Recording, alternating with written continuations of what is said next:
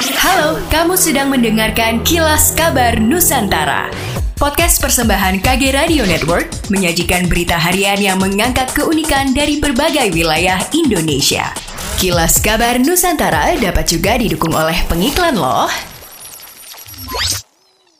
Kepala Dinas Pemadam Kebakaran dan Penyelamatan DPKP Kota Surabaya, Dedik Irianto menyampaikan selama tahun 2022 tercatat ada 614 kejadian kebakaran di Surabaya dibandingkan tahun 2021 dengan 644 peristiwa atau mengalami penurunan kejadian kebakaran. Hal menarik menurutnya selama tahun 2022 jumlah penanganan kebakaran justru lebih rendah dibandingkan data penyelamatan atau berbanding terbalik dengan angka penyelamatan atau rescue yang justru meningkat tajam di tahun 2022 di mana tahun 2021 DPKP melakukan evaluasi evakuasi 655 kejadian dan kemudian meningkat pada 2022 menjadi 1.400 kejadian, seperti membantu mengambil kunci motor warga yang terjatuh dalam saluran saat tengah malam, mengevakuasi kucing, ular, dan sarang lebah, hingga melepas cincin yang menyangkut di jari tangan dan mencarikan dompet ke dalam sumur.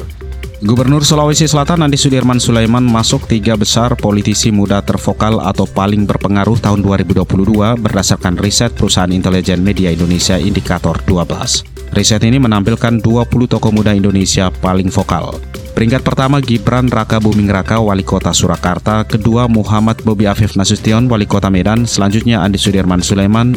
Keempat Emil Edardak, Wakil Gubernur Jawa Timur. Dan Audi Jonaldi, Wakil Gubernur Sumatera Barat. Direktur Komunikasi 12 Rustika Herlambang mengatakan Andi Sudirman menempati daftar teratas dari ekspos pemberitaan maupun jumlah pernyataan yang dikutip media. Riset dilakukan sepanjang 1 Januari sampai 20 Desember 2022. Andi Sudirman tampil dalam 25 ribu lebih berita dan pernyataan pernyataannya yang dikutip media mencapai 47 ribu lebih.